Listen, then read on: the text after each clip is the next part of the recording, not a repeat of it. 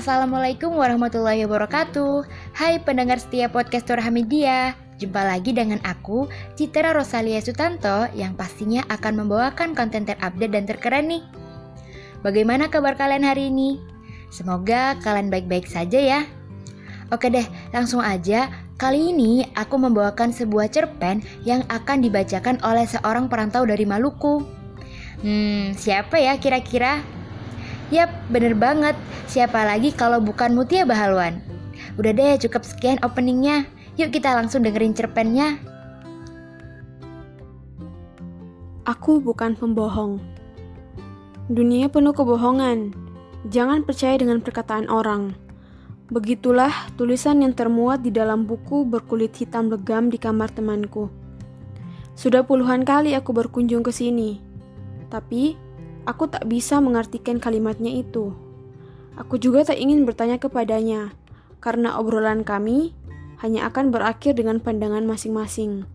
Dia tipikal orang yang keras kepala dan selalu mempertahankan argumennya. Kuning pembohong. Lagaknya bukan pembunuh, tapi aku dibunuh, tukasnya. Wajahnya kesal menatapku. Aku tak bicara apa-apa. Menatapnya balik, dan lanjut memperhatikan kucing abu-abu yang berputar-putar ingin menggigit ekornya. Melihat sikapku yang tak peduli, dia membuang ponselnya di atas meja dan menghampiriku. Lagi-lagi aku dibohongi, Supri, katanya. Itu hanya permainan, jangan dianggap serius. Setidaknya si kuning itu harus jujur bahwa dia adalah pembunuh. Itu strategi, Aji. Balasku ketika dia membenamkan kepalanya di bantal yang bergambar kucing putih bermata biru. Apa susahnya menjadi orang jujur? Tanyanya dengan nada yang tidak mengharapkan jawabanku. Akhir-akhir ini, orang-orang sibuk memainkan game online. Aku tidak tahu bagaimana cara main, karena aku tidak pernah memainkannya.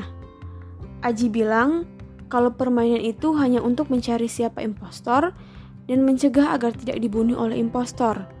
Tapi kalau kamu adalah impostor, kamu harus membunuh pemain yang lain.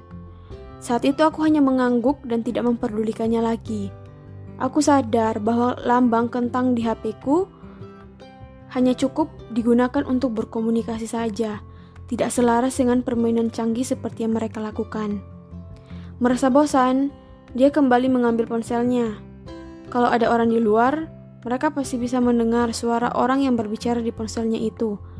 Kalau boleh ku tebak, itu adalah suara seorang investigator yang berbicara tentang golongan 1% pada yang berhasil membohongi 99% populasi manusia yang ada di dunia. Mungkin ini yang dikatakan sebagai konspirasi FE101. Supri, kamu percaya kan kalau aku bilang kita menipu diri kita sendiri? Tanyanya bangkit dari tempat tidur. Maksudmu, Aji? Kadang sakit, tapi selalu berpura-pura baik di depan orang. Kadang benci, tapi pura-pura tak benci. Iya, jawabku singkat. Kamu tahu kenapa manusia melakukan itu? Karena tidak ingin membuat orang khawatir, jawabku. Pura-pura sempurna lebih tepatnya. Matanya tajam menatapku. Aku tidak bisa bilang kalau dia salah kali ini. Sebenarnya aku suka cara berpikirnya, walaupun kadang tidak masuk akal. Tapi, apa kaitannya siaran investigasi yang ia tonton dengan membohongi diri sendiri? Pikirannya benar-benar sulit kutebak. Manusia hidup untuk dipuji, cetusnya lagi, sambil menggendong kucing abu-abu yang terdiam menatap kami. Mungkin kucing itu mendengar ucapan Aji tentang menyakiti diri sendiri, dan langsung berhenti menggigit ekornya. Aku masih terdiam mencerna kata-katanya itu. Dari sini aku bisa menarik sedikit kesimpulan dari tulisan di bukunya. Mungkin maksud dia, kita tidak boleh percaya begitu saja dengan orang lain. Tapi kenapa kalimatnya harus jangan percaya dengan perkataan orang, bukan jangan mudah percaya dengan perkataan orang. Sore hari, aku berpamitan ke Aji.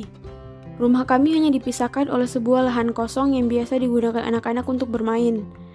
Aku mengenal Aji ketika ia dan ibunya pindah ke sini lima tahun yang lalu. Walaupun pemikirannya yang kritis, dia tidak mudah bersosialisasi.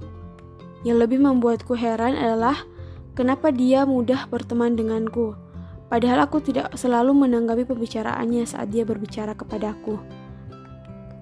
Aku masuk ke dalam rumah panggung kayu. Tidak ada orang di sana. Mungkin bapak dan ibu belum pulang kerja. Mereka adalah pekerja serabutan dan tidak memiliki pekerjaan tetap. Sempat beberapa kali aku mengeluh tentang nasib keluargaku yang berbeda dengan Aji. Walaupun ayahnya yang sudah meninggalkan mereka dan mencari hidup baru, tapi lebih sejahtera daripada aku yang memiliki orang tua lengkap. Apalagi kalau bapak pulang dalam keadaan yang mabuk. Ibu tidak bisa berbuat apa-apa. Kalaupun ditanya, pasti berbohong. Padahal sudah jelas, bau alkohol menyengat sekali. Tapi beruntung bapak tidak pernah main tangan. Aku juga bisa melihat kebohongan di mata ibu saat itu. Kentara sekali harus berpura-pura sabar, benarnya tertekan dengan sikap suaminya. Tapi mau diapakan lagi? Marah, percuma. Minuman itu sudah tertelan. Tidak mungkin menyuruhnya untuk membutahkannya lagi. Aku juga bisa merasakan bahwa diriku berbohong ketika bapak berulah. Kalau ibu tidak menyelah, wajah bapak sudah aku habisi tapi aku hanya berpura-pura acuh agar tidak terjadi masalah yang serius. Cukup ekonomi kami yang terlihat kurang di mata orang-orang. Harmonisasi keluarga yang sederhana ini jangan sampai. Begitulah cara orang bawah mempertahankan martabat mereka. Persis seperti perkataan Aji, bahwa manusia hidup untuk terlihat sempurna. Bapak dan ibu pulang ketika aku sudah tertidur. Besoknya, Aku kembali ke rumah Aji pagi-pagi. Seperti biasanya, dia tenggelam dalam tulisan-tulisan di buku hitamnya itu. Aji, sapaku. Dia berbalik, matanya merah, kantong matanya bengkak, dan berwarna hitam. Kamu kenapa? Dia tak menjawab, menutup bukunya dan menatap keluar jendela. Aji, gertaku, dia tersentak. Tidak apa-apa. Jawabnya. Aku menghampiri dia dan duduk di sampingnya. Kami sama-sama terdiam. Di luar ada dua orang anak kecil yang sedang bermain petak umpet. Seorang bocah berambut berdiri seperti landak, tutup matanya pada sebuah batang pohon pisang. Sedangkan yang satunya lagi, bocah perawakan Cina, bersembunyi di balik semak-semak. Ketika si rambut landak menghitung sampai sepuluh, dia mulai mencari temannya yang bersembunyi itu. Saat itu aku pikir dia bisa langsung menemukannya. Tapi si perawakan Cina melempar batu ke arah seberang dan si rambut landak berhasil ditipu. Lantas si Cina keluar dan lari menuju batang pohon dan menyentuhnya. Dia menang dan terlihat bahagia sekali sambil menertawakan si rambut landak. Itu adalah perilaku kebohongan, kata Aji datar saat melihat mereka bermain.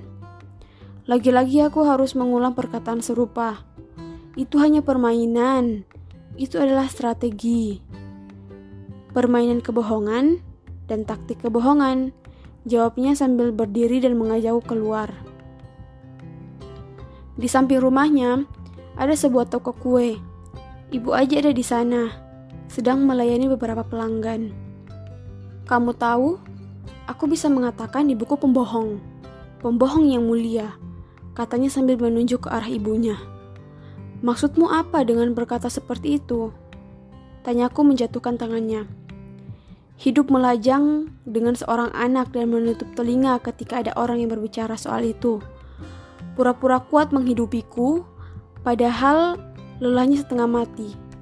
Pura-pura tidak peduli dengan pasangan hidup padahal sangat membutuhkannya, namun tidak mau untuk disakiti lagi. Pura-pura tidur nyenyak, padahal bayang-bayang kesulitan hidup masih tampak di kelopak matanya. Dan kau juga pembohong. Mata merahnya layang menatapku. Hah? Aku kaget. Pura-pura mendengar ucapanku, padahal tidak. Kau juga pembohong, Aji. Balasku sontak. Pertama, kamu berbohong karena selalu bilang tidak apa-apa, padahal kamu sedang ada apa-apa. Dan yang kedua, kamu berbohong karena bilang aku tidak mendengarkanmu. Aku selalu mendengarkan ucapanmu itu, walaupun aku tidak bisa menjawabnya. Aku sadar kalau aku menjawab dengan persepsi yang berbeda, kamu tidak akan setuju. Kamu terlalu fokus dengan pikiran yang kamu anggap serius padahal tidak selamanya benar. Dan yang terakhir, di bukumu yang tertulis "Jangan percaya dengan orang lain", kenapa kamu masih mempercayai aku sebagai temanmu? Kataku, apa salahnya untuk mempertahankan argumenku? Pendapatku ya milikku. Selamanya akan aku pegang apa yang ada di pikiranku. Dan aku memilihmu menjadi temanku karena kamu berbeda. Dulu aku pikir kamu diam saat aku berbicara tandanya kamu setuju kepadaku. Dan aku hanya butuh orang yang setuju dengan apa yang aku katakan. Balas Aji.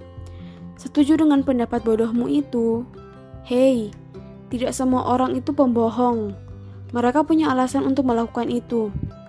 Lihat ibumu yang susah payah mencari uang Kenapa dia berbohong dengan terlihat baik-baik saja? Ya karena kamu.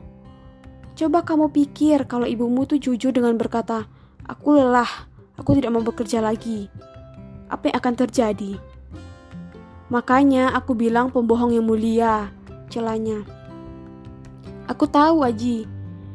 Kamu memiliki pemikiran yang sangat luas, bahkan terkadang aku tidak bisa memahaminya. Tapi seluas-luasnya pemikiran seseorang, dia seharusnya bisa menerima pendapat orang lain, walaupun itu berbeda darinya. Aji terdiam. Selama ini aku diam karena aku tahu kamu bisa sadar sendiri berkat pemikiran kritismu itu. Tapi ternyata makin menjerumuskanmu ke hal-hal yang tidak masuk akal. Kataku menatap Aji yang menunduk. Aji berjalan menuju kamarnya. Dia mengambil buku hitam di atas meja dan membuangnya ke tempat sampah depan rumah. Aku menatap dia yang tidak sama sekali menatapku. Begitu penasaran dengan isi buku itu, aku pun memengutnya. Beruntung tempat sampah itu belum termuat sampah satupun. Sekilas aku membaca bagian depan. Kata pembohong tampak mencolok. Di halaman selanjutnya juga begitu. Sampai pada halaman terakhir, hanya ada kata pembohong dan tidak percaya dengan kata orang lain. Aku menggeleng dan berjalan menuju ke kamarnya. Kenapa kau membuangnya? Tanyaku kepada Aji. Itu diberikan oleh pembohong.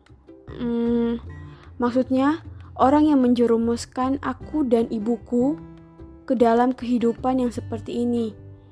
Dan juga Orang itu yang membuatku mempercayai bahwa semua orang adalah penipu. Oh, jawabku singkat. Di satu sisi aku senang Aji telah sadar. Di sisi lain, aku khawatir dengan perubahan pola pikirnya nanti. Apakah dia akan menjadi orang yang sama seperti Aji yang dulu, yang banyak bicara, atau Aji yang berpura-pura sepertiku, yang diam hanya untuk menghindar dari pertentangan karena pendapat yang berbeda?